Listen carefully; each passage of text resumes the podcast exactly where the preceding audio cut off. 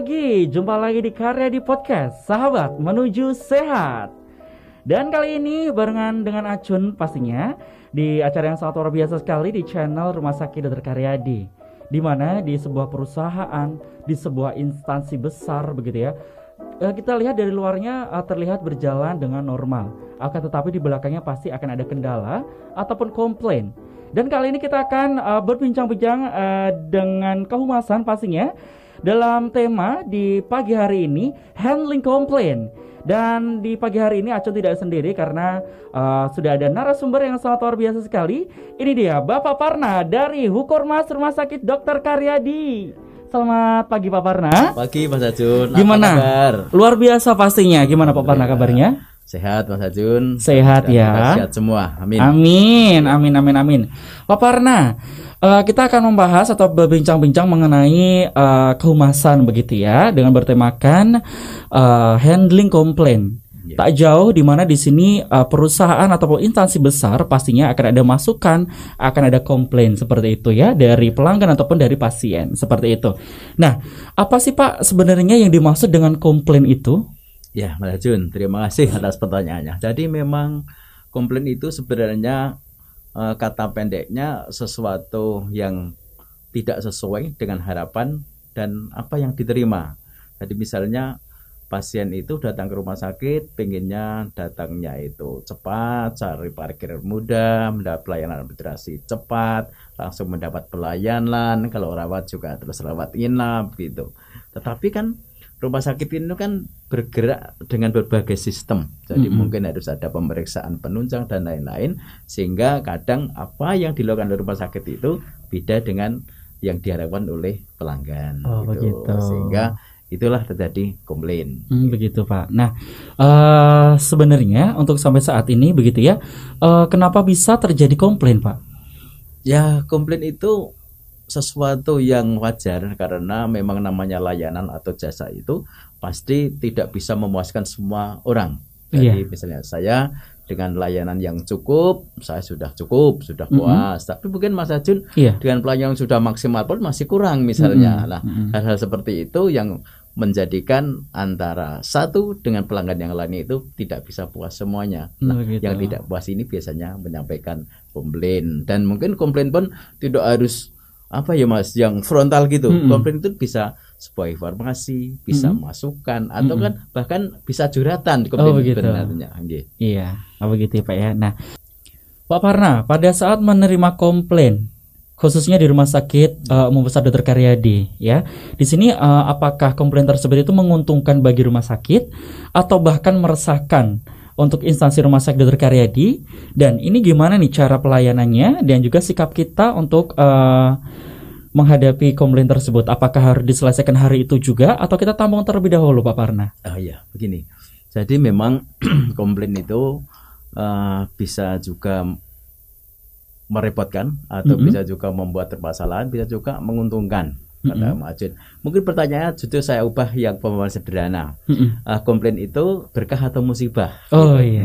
Jadi komplain apabila diselesaikan dengan baik, proporsional, tepat, sasaran itu pasti akan menjadi berkah. Baik. Percaya yang berada rumah sakit meningkat, orang yang komplain puas dan tidak akan mempermasalahkan di kemudian hari. Mm-mm. Sebaliknya, apabila komplain tidak dikelola dengan baik, maka komplain itu akan eh, ke mana-mana. Oh, Nanti begitu. misalnya awalnya cuma komplain Mhm. tidak puas dengan layanan satu saja, misalnya di Mhm. pemeriksaan, bisa nanti sampai ke perawatan, bisa sampai Mhm. akhir di tarif dan lain-lain, sehingga itu Malah melebar begitu ya?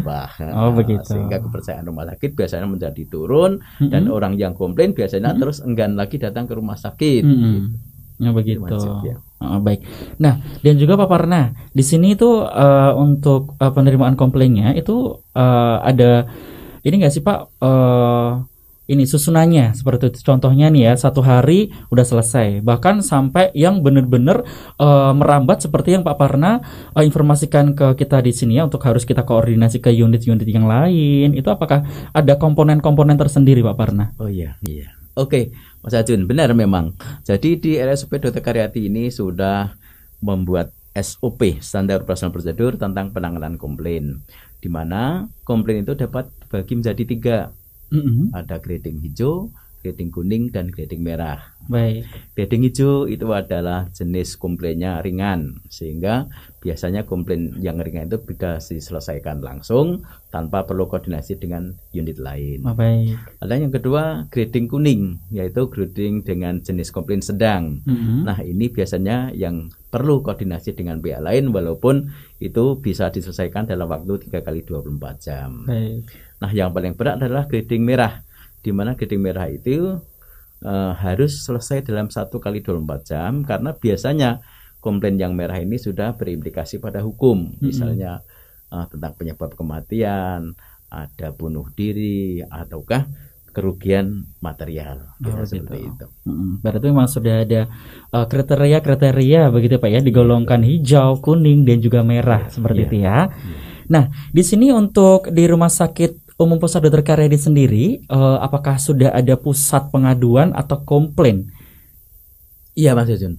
Jadi apa- pada prinsipnya rumah sakitnya akan membuat kemudahan yang sangat luas kepada masyarakat, terutama adalah memberikan akses yang lebar Mm-mm. tentang penyampaian komplain atau pengaduan. Baik. Nah, di sana ada call center, misalnya kok tidak di rumah sakit eh, posisinya bisa telepon dengan call center di 024 841 3476 Mm-mm. atau lewat SMS pengaduan di nomor 0888 650 962 atau lewat websitenya rumah sakit. Oh, bisa juga ya. Bisa juga. Dan apabila kebetulan Bapak Ibu sedang di rumah sakit, Bapak Ibu dapat langsung mengadu langsung ke customer service yang sudah siapkan oleh rumah sakit ini di setiap poliklinik.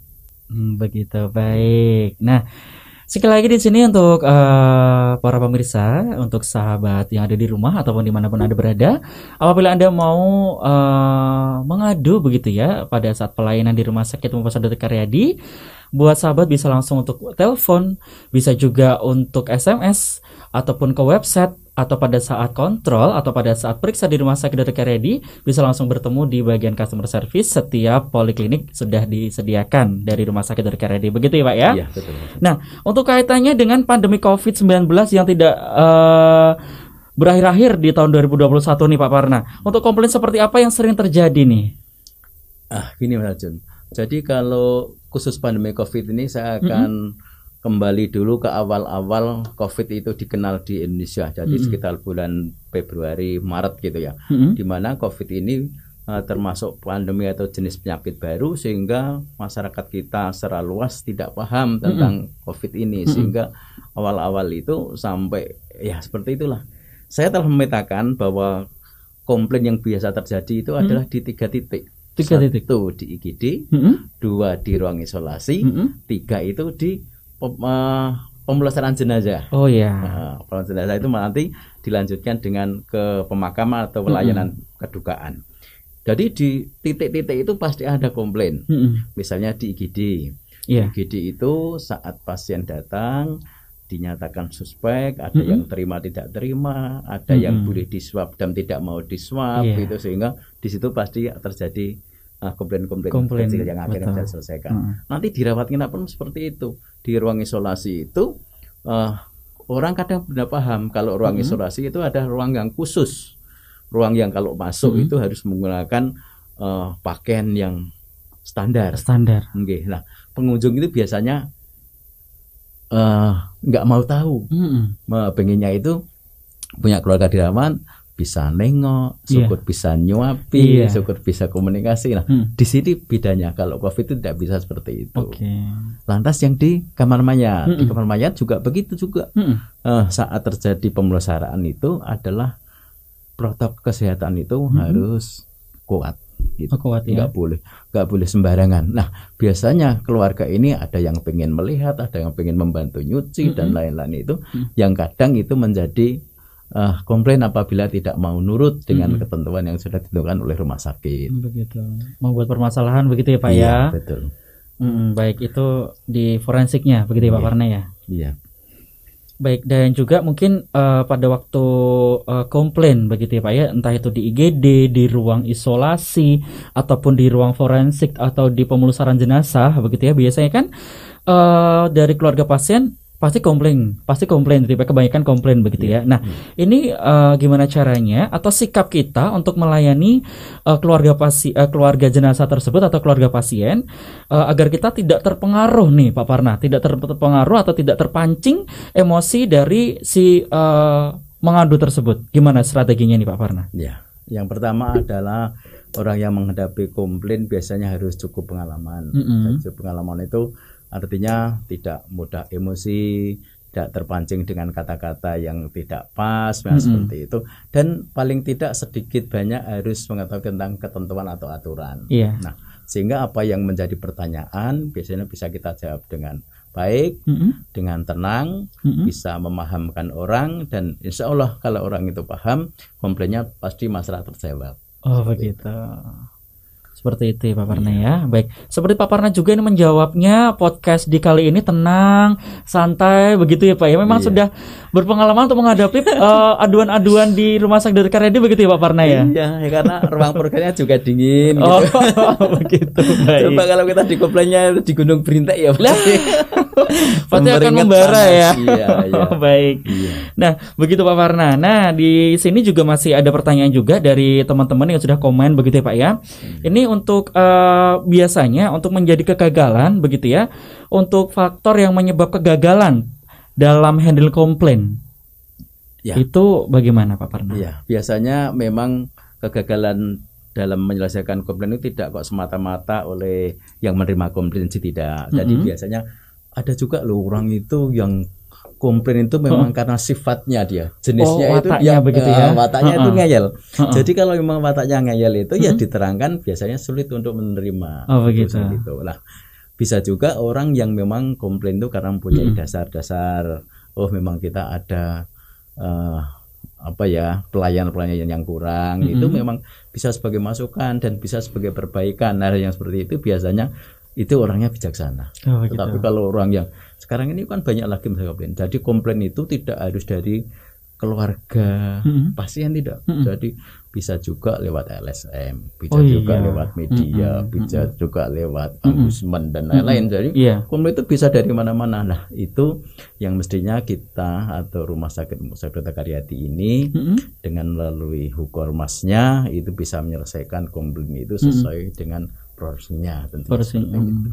Begitu ya Pak ya. Berarti memang sekarang tuh apalagi sosial media begitu ya Pak Oh, ya. iya. Komplain saja di story WA, komplain saja di story Instagram. Begitu banyak sekali ya Iya, Pak Parna ya. Betul, betul, Mas. Nah, eh, itu tadi sudah dijelaskan semuanya dari Pak Parna begitu ya. Nah, dari Pak Parna di sini apakah ada pengalaman begitu Pak untuk merespon pelanggan ketika komplainnya itu mendapatkan penyelesaian yang sangat memuaskan?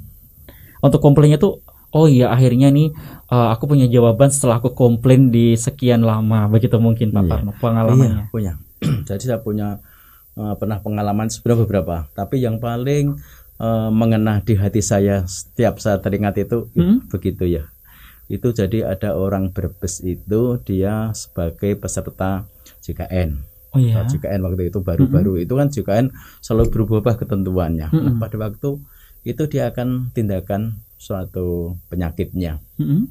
Nah, pada waktu itu kalau jenis tindakannya itu tergolong mahal banget begitu, kemungkinannya itu tidak bisa tercover oleh BPJS semuanya, maka dia berpikir kalau memang tidak bercover oleh BPJS, dia mau berobat dengan biaya sendiri atau Hmm. biaya umum gitu. Sehingga waktu itu dia tanya kepada dokter DJP, DPJP yang akan merawat itu, yang merawat, kira-kira biayanya berapa dok kalau saya operasi ini? Waktu itu kisarannya itu 150 juta Wow. karena dia tekadnya Mm-mm. pengen sembuh Mm-mm. maka apa pun yang dia punya dia jual Hmm.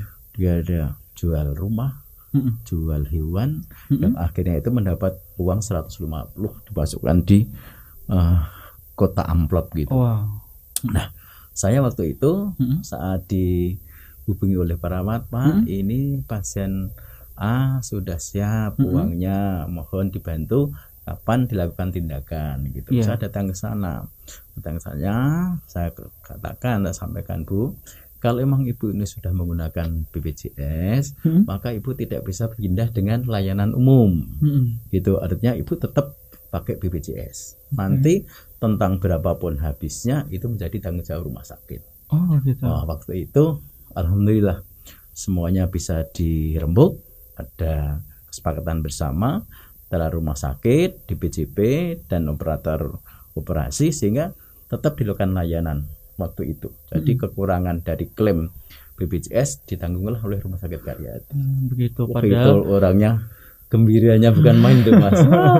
Akhirnya dia semula sampai menjual rumah, menjual ternak, semuanya bisa kembali. Hmm. Bisa Dan kembali sehat, lagi ya. Alhamdulillah dia sehat. Wow, luar biasa ya di sini ya Iya. dengan pasiennya pun juga sembuh, pasiennya pun juga eh, puas begitu ya. Iya. Untuk pelayanan di rumah sakit Dorkali itu adalah nominal yang tidak sedikit 120 Iya. atau 150 juta itu Pak Oke. Parna ya. Jadi poinnya itu dikoordinasi di waktu mau pelayanan. Waktu mau pelayanan Iya. untuk tindakan tersebut begitu Iya. Pak Parna ya. Iya.